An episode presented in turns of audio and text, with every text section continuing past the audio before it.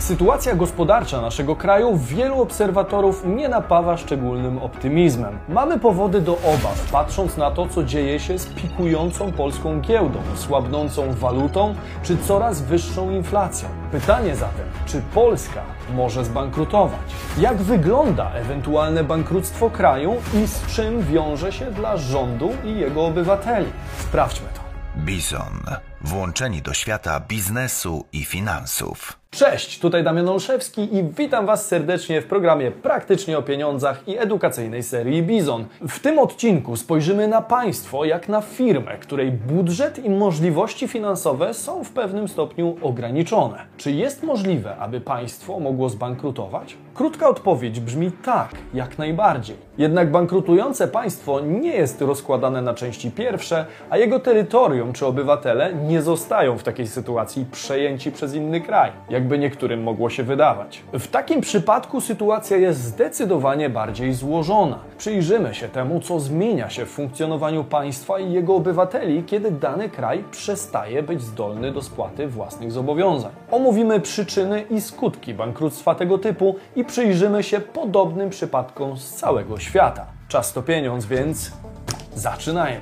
Jak często państwa bankrutują?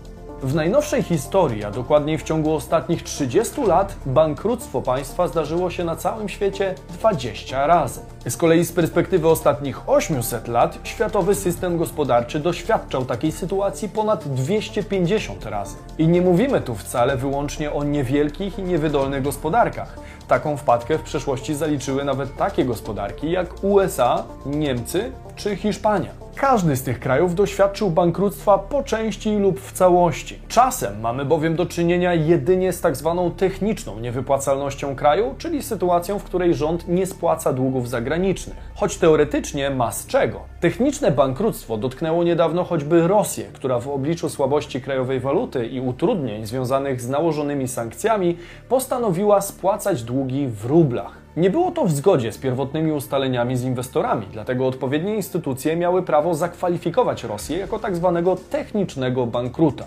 Niewiele ma to jednak wspólnego z realnym bankructwem kraju. To klasyczny przykład sytuacji, w której kraj posiada wystarczającą ilość pieniędzy, aby spłacić wierzycieli, ale nie wywiązuje się z każdego elementu złożonej inwestorom obietnicy. Zastanówmy się jednak, co oznacza bankructwo dla państwa i obywateli. Co ważne, nigdy nie doszło do ostatecznej upadłości państwa, kończącej się na przykład jego rozbiorem w zamian za długi. Państwo nie może zostać zlikwidowane i tym samym przejęte przez wierzycieli, jak klasyczne przedsiębiorstwo. Historia zna jednak przypadki, gdy niektóre aktywa państwowe, takie jak na przykład pojazdy wojskowe, samoloty czy rezerwy złota w bankach zagranicznych, zostały zatrzymane jako zabezpieczenie wierzytelności. Innymi słowy, Państwo, które wpadło w kłopoty finansowe i posiada część swoich dóbr poza terytorium kraju, musi liczyć się z ewentualnym zarekwirowaniem ich w ramach spłaty długu. Niewydolność finansowa państwa może oczywiście przełożyć się na byt jego obywateli. Jeżeli wiarygodność kraju na rynku spada, to może on zwyczajnie stać się obiektem rynkowych ataków na walutę czy też na giełdę danej gospodarki. To z kolei może przełożyć się na kryzys fiskalny w państwie i znacznie gorszą sytuację przedsiębiorców,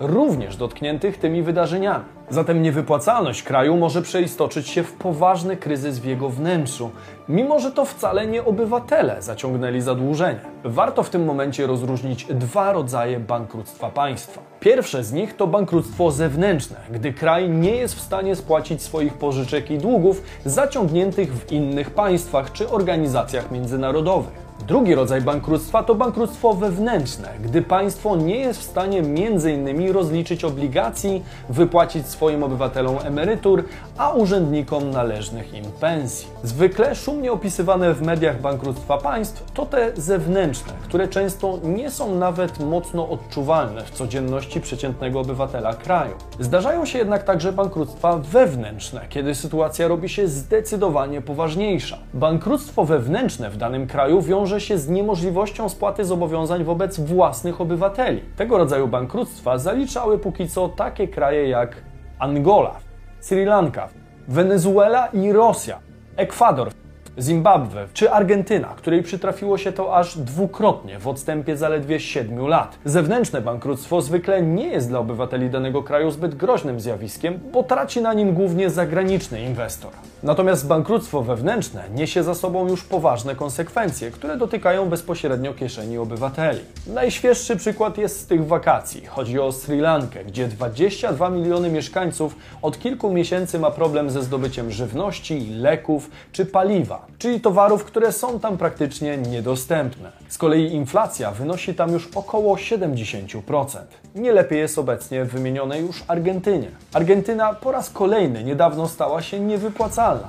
To już trzeci raz w XXI wieku i dziewiąty w ciągu ostatnich 200 lat. Problemy z finansami zaczęły się tam już 10 lat po uzyskaniu niepodległości. Wiele innych państw także otarło się o bankructwo, ale zostały na przykład uratowane przez wsparcie ze strony Międzynarodowego Funduszu Walutowego, Chin czy też Komisji Europejskiej. Do takich krajów zaliczamy na przykład Pakistan, który zapożycza się u Chin, Islandię, która była zmuszona zdewaluować swoją koronę i znacjonalizować upadające banki, Cypr, który w 2013 roku musiałby ogłosić upadłość, gdyby nie 10 miliardów euro pomocy od Europejskiego Banku Centralnego. Portugalię, która w latach 2011-2014 od Brukseli i Waszyngtonu uzyskała 78 miliardów euro wsparcia. Czy też Grecję, która dzięki strefie euro, mimo rekordowego zadłużenia w stosunku do PKB na poziomie niemal 200%, dalej funkcjonuje. W tym dość głośnym przypadku receptą na kryzys było 240 miliardów euro z funduszy unijnych, wypłacane od 2010 do 2015 roku. Bankructwo danego kraju nie odbywa się bez konsekwencji. W takim przypadku rząd musi negocjować z instytucjami międzynarodowymi umorzenie lub rozłożenie w czasie zadłużenia, którego nie jest w stanie spłacić. Państwo, które przestaje spłacać zagraniczne długi, jest gorzej oceniane przez agencje ratingowe, a finalnie przez inwestorów, wskutek czego w kolejnych latach prawdopodobnie zmniejszy się także ilość inwestycji zagranicznych w danym kraju. A to może się przełożyć na przykład na mniej nowych zakładów produkcyjnych i mniej nowych miejsc pracy. Do tego kraj może mieć również problemy z zawieraniem umów międzynarodowych, takich jak pakty wojskowe, obronne czy umowy o współpracy gospodarczej. Z kolei dla obywateli sytuacja również znacząco się komplikuje. Rząd, aby wykazać pozytywne zmiany i plan spłaty zadłużenia,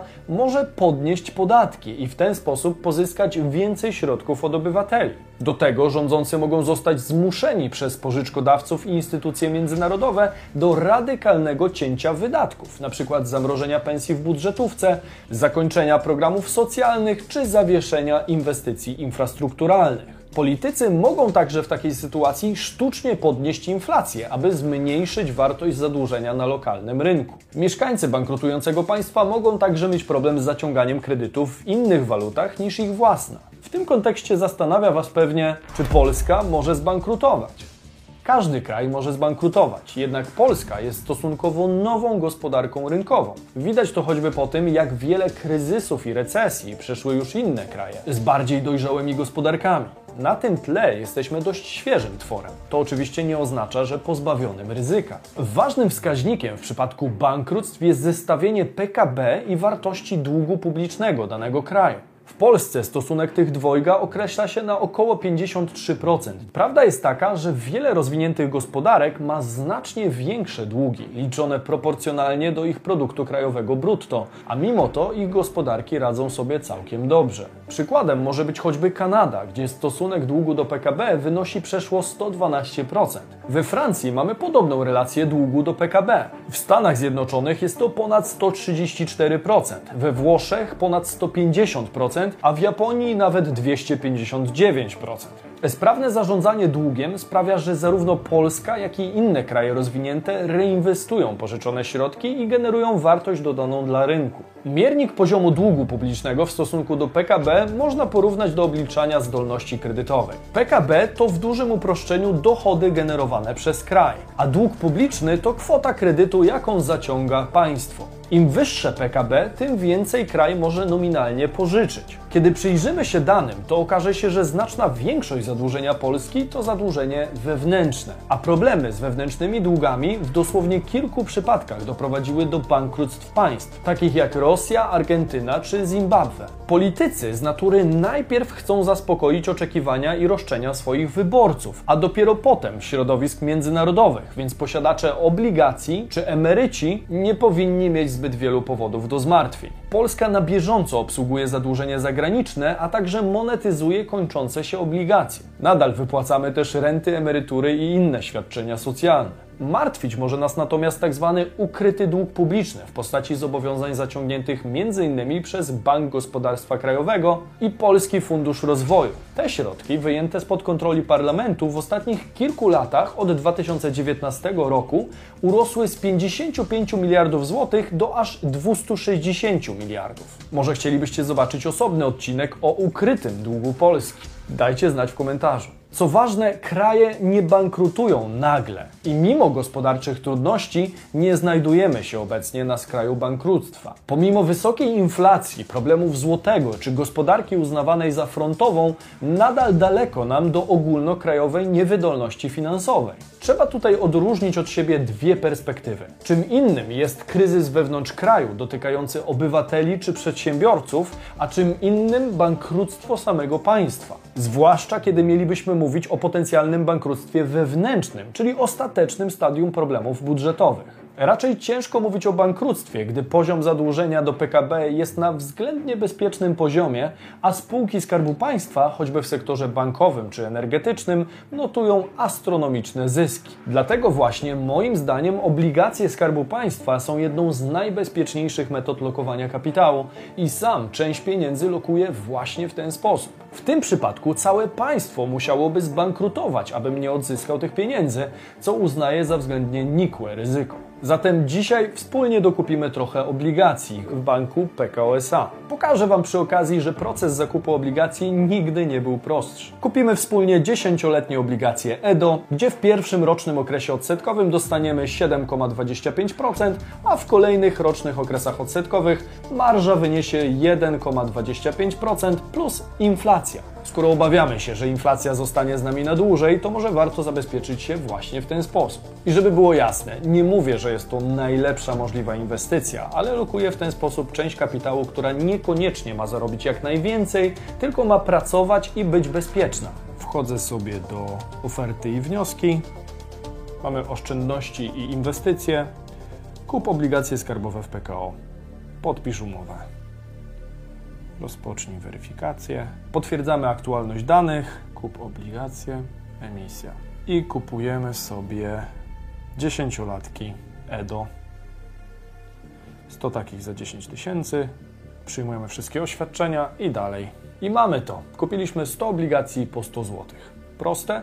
Proste. Jeżeli również uważacie obligacje skarbowe za dobre rozwiązanie dla części Waszych oszczędności, to dzięki PKOSA obligacje skarbowe możecie zakupić w bardzo prosty sposób, jednocześnie wspierając nasz kanał. Wszystko zrobicie pod linkiem w opisie tego filmu. Ile państwo może pożyczyć?